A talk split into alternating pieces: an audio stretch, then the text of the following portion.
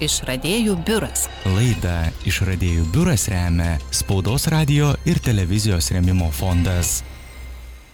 Sveiki klausytojai, Jonė Saligaitė su jumis. Lietuvos mokslininkai sukūrė išradimą, kuris gali tapti Saulės technologijų proveržių. Dar 2018 metais grupė Kauno technologijos universiteto chemikų susintetino medžiagą, kuri savaime suformuoja molekulės storio sluoksnį, dar vadinamą monosluoksniu, lygiai padengianti įvairius paviršius. Naudojant tokią medžiagą buvo sukurti jau keli ypač efektyvūs Saulės elementai. Tai kas tai apskritai per išradimas, kaip pavyko pasiekti tą proveržį ir kuo šis mokslininkų išradimas gali pasitarnauti galbūt ir kiekvienam iš mūsų. Apie visą tai ir papasakos vienas iš išradimo bendraautorių Artom Magomedov. Sveiki. Sveiki. Tai papasakokit apskritai, kaip nusprendėte pradėti dirbti ties šiuo išradimu ir kas čia paskatino, ar kaip apskritai mokslininkai nusprendžia pradėti tokius išradimus.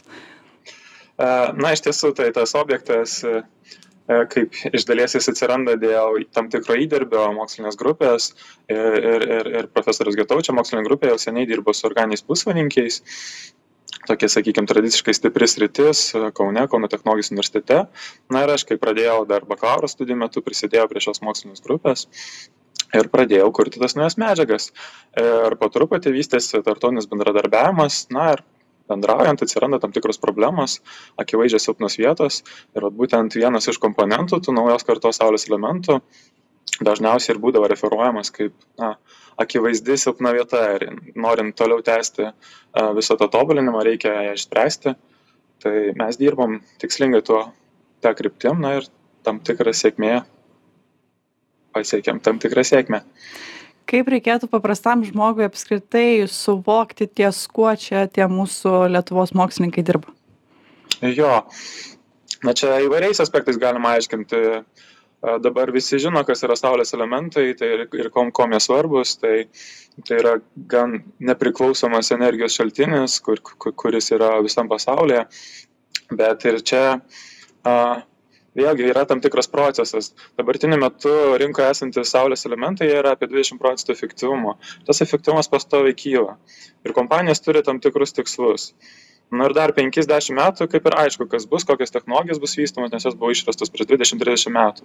Bet tada kyla klausimas kas bus po trisdešimtų metų dabar tam kad įgyvendint tikslus reikia iš tikrųjų sunkiai suvokiamų kiekių saulės elementų. Tai yra ne tai kad ant kai kurių stogų turėtų jie būt bet na jie turi būt visur. Ir tie kiekiai energijos kurią reikės pagaminti yra milžiniški. Na yra pavyzdys pavyzdžiui kad vien sidabro dabartinėm technologijom tam kad patenkinti poreikį per metus reikėtų sunaudot visą sidabrą išgaunamą pasaulyje vien tik saulės elementams. Tai reiškias mes daugiau nieko neturėtum gaminti tik saulės elementus. Akivaizdu kad na mes negalim to padaryt. Tam reikia naujų technologijų. Na ir viena iš krypčių tai daryt efektyviau naudojant mažiau mažiau medžiagų naudojant naujas medžiagas kad kad mažinti atliekų. Na ir vat čia ir atsiranda ta vieta kur kur mokslininkai gali kažką padaryti ir aš kaip suprantu jau kalbant apie tą plačią visuomenę ir pritaikomumą jūsų išradimo galbūt ateityje na ir visai visuomenei būtent būtų tai kad tai reikalautų na mažiau pinigų ir būtų tiesiog na pigiau naudoti tą saulės energiją ar ne mm. Jeigu paprastai sakant, tai taip, bet vėlgi mes nekam apie visą sistemos kūrimą, tai kaip pasakyti, tas pigiau tai yra labai, labai toks paprastas pasakymas iš tikrųjų tai e, klausimas kur pagaminta kaip pagaminta kiek atliekų kaip utilizuot na ir visą tą kompleks kompleksą bandant išspręst ir ir ir kuriami naujos kartos saulės elementai. Kiek ilgai apskritai na jau teko dirbti prie šio projekto ir kokie tie pagrindiniai iššūkiai yra su kuriais mokslininkai susiduria jo čia čia tas projektas jisai nebuvo kaip pasakyt yra tam tikrų jeigu bandyt at atgal papasakot istoriją tai yra daug tokių atsitiktinių dalykų kur vat viena savaitė nulemia ar ar ar ar ar ar ar ar ar eis viena kryptim ar kita kryptim.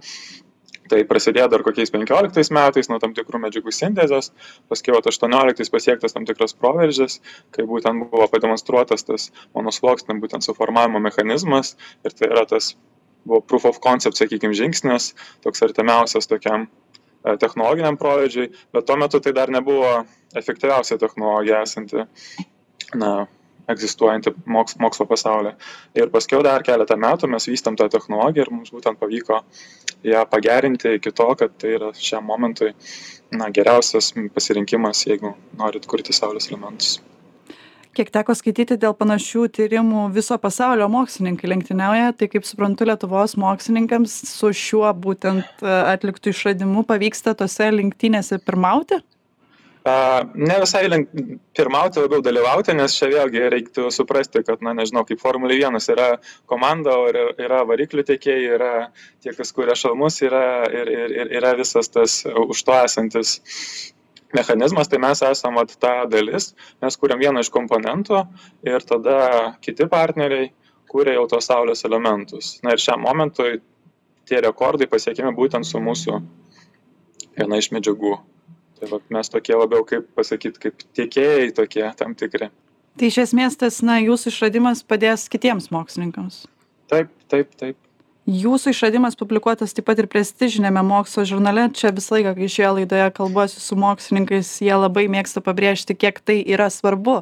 Mes paprasti žmonės turbūt nelabai to suprantam bet kodėl būtent na svarbu atsidurti tuose prestižiniuose mokslo žurnaluose? Mhm. na čia yra tokia graži analogija žinot jeigu muzikantas parašo dainą ir niekur jos neišleidžia o dainuoja sau tai na gal jinai ir yra geniali bet nieks apie tai nesužinos. Tai vat apie tą išradimą reikia sužinot ir mokslinių pas mokslininkus ta plokštelė arba tas Spotify'us tai yra moksliniai žurnalai ir kuo, kuo geresnį platformą gauni, tuo greičiau tu gali pasiekti platesnę mokslinę bendruomenę. Tai už tai tas yra svarbu. Tai nėra pats svarbiausias dalykas, nes na, e, kartais, kaip pasakyti, jeigu išradimas yra geras, jis ras savo kelią. Bet tai tikrai palengvina visą tą e, kelią, komunikaciją, jeigu tau pavyksta išsispausinti geram žurnale. Tai... O būtent dabar kiek, pavyzdžiui, jūs tuo išradimu to tarptautinio dėmesio sulaukėt? Nu iš esmės aš kaip sakau nereikia prisistatinėt. Na mokslin kiti mokslininkai kurie dirba toj tematikoj jie žino šitas medžiagas. Tai jeigu aš pasakau kad na mes sukūrėm tas medžiagas tai yra jau ta kaip ta vizitinė kortelė mūsų. Tai labai palengvina visą komunikaciją. Praktiškai mes mums atviros visos durys. Kiek mokslininkų dirbo prie tokio išradimo ir kokių sričių mokslininkai na dirbo prie šio išradimo? Na jeigu žiūrėt taip banaliai bendraautorių skaičių, ten publikacijų, tai ten virš 30 žmonių. Tai, bet aišku, tie indėliai yra ne, ne vienodi. Tai yra komanda mūsų universitete, nežinau, penki žmonės, gal šeši, vėlgi, na, į, į, įvairiais momentais įvairiai prisideda. E, yra e, partneriai Vokietijoje visų pirma, aš ten buvau stažuotėjai ir ten irgi yra kokie 5-6 žmonės, na ir tada dažniausiai prisideda tam tikri specifiniai tyrimai, tai yra specialistai, sakykime taip, kurie dar padeda na, pagrysti tą visą tyrimą, tai yra paaiškinti, kodėl veikia, kodėl neveikia.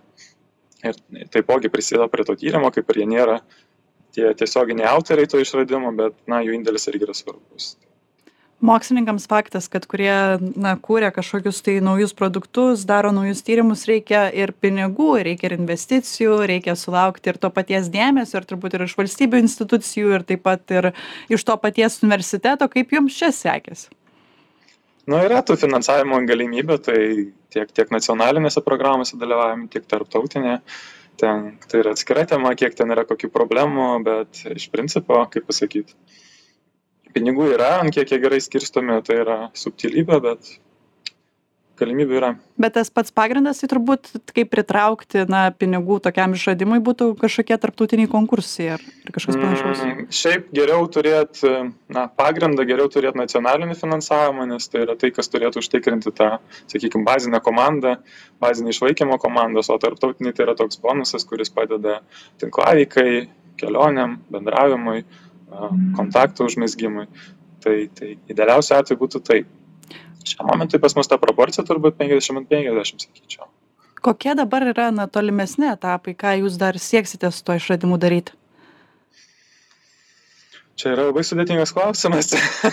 E, taip, na, yra įvairūs dalykai. Yra tam tikri smulkus aspektai, kur akivaizdžiai yra dar tam tikri trūkumai, technologiniai trūkumai. E, yra projektai, kur jau siekiama, na vis viena, mes šnekam iki šiol kalbėjom apie laboratorinius tyrimus, tai yra labai maži saulės elementai, kurių niekaip neuždėsi ant stogų, tai mums reikia tą didinti visą plotą, tai reiškia vis viena šiek tiek kitokie metodai, šiek tiek kitokie pritaikymai, tai vat, yra tokie, sakyčiau, labiau generiniai tokie klausimai ir dalinai tai galima išspręsti būtent chemijos būdu, tai yra šiek tiek pakeičiant medžiagų struktūrą, tai einama tą linkme, tai yra toks, vėlgi, kaip pasakyti, darbas jau toks, tiesiog siekiant patobulinti tą, tą kryptį, na, toliau žiūrima, kokie yra dar, kokios dar yra silpnos vietos, kur mes dar galim pasireikšti, jos yra gana akivaizdžios, tai yra susijęs su stabilumu, su, su kitom medžiagom, nes vėlgi kartais laboratorijoje galima naudoti medžiagą, kuri yra labai brangi, bet jeigu mes kalbam apie na tai kad ant kiekvieno stogo turėtų būt toks prietaisas tai na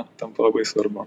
O kada jau tas na galutinis produktas jau gali matytis? Ar yra įmanoma nusimatyt mm, šiam momentui ta technologija tik pradeda tą komercinį kelią. Jeigu mes kalbame apie perovskitinius saulės elementus plačiau gali būt kad ir niekada jeigu atsitiks taip kad silicio saulės elementai bus labai geri aš iš tiesų sakau, kad tai būtų labai gerai, nes tada nereikėtų tų naujų dalykų, bet tikėtina, kad vis tik to neužteks. Ir tas, na, sunku čia sakyti, vis vieno iki 20 penktų tikrai viskas ten aišku, kas bus susilice Saulės elementais, 30-ais jau šiek tiek vėlgi horizontas planavimo toks neaiškumo atsiranda, tai va 30-40 metai mes šnekam apie tokius metus. Kai jūs jau šnekate ir na ir tie patys pranešimai spaudai pasirodo ir panašiai ar galbūt jau sulaukėt kažkokio ir verslo susidomėjimo? Visgi matom mes kas dabar vyksta.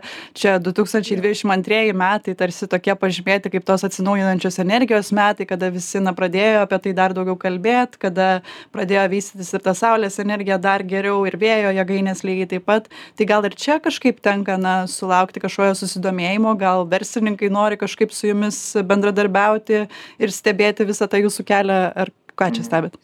Na, kartais ta komunikacija per daug e, sensacinga pakiša meškos koją, tai jo, bet, na, tai svarbu va, tas supratimas, kad tai nėra kažkas, ką mes galim porą metų vystyti ir, ir jau pradėti pardavinėti. Tai bet kokia atveju, netgi jeigu mes pradedam dabar rimtas investicijas, tai yra 50 metų, gal ir daugiau, tai e, yra tam tikrų beveik visi jau dabartiniai projektai, kadangi mes šnekam apie aukšto lygio produktus, tai yra jau kurie tuoj tuoj turėtų atsirasti rinkoje, tai vis viena dalyvauja pramoniniai partneriai, yra ir Lietuvos partneriai, kurie stiprus žaidėjai Saulės elementų rinkoje, tai be abejo tokie yra, o tų žinučių kartais sulaukia, na, bandai papasakot gražiai, kad dėja, bet ne viską mes čia galim taip greitai padaryti bet palinkėsiu kad pavyktų kuo greičiau ir kuo sėkmingiau visus tuos išradimus ir įgyvendinti ačiū jums labai kad šiandien dalyvavot laidoje kalbėjomės su vienu iš išradimo bendraautorių artiom magomedov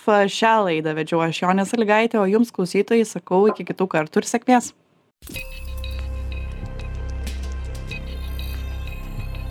Išradėjų biuras. Laidą Išradėjų biuras remia Spaudos radio ir televizijos remimo fondas.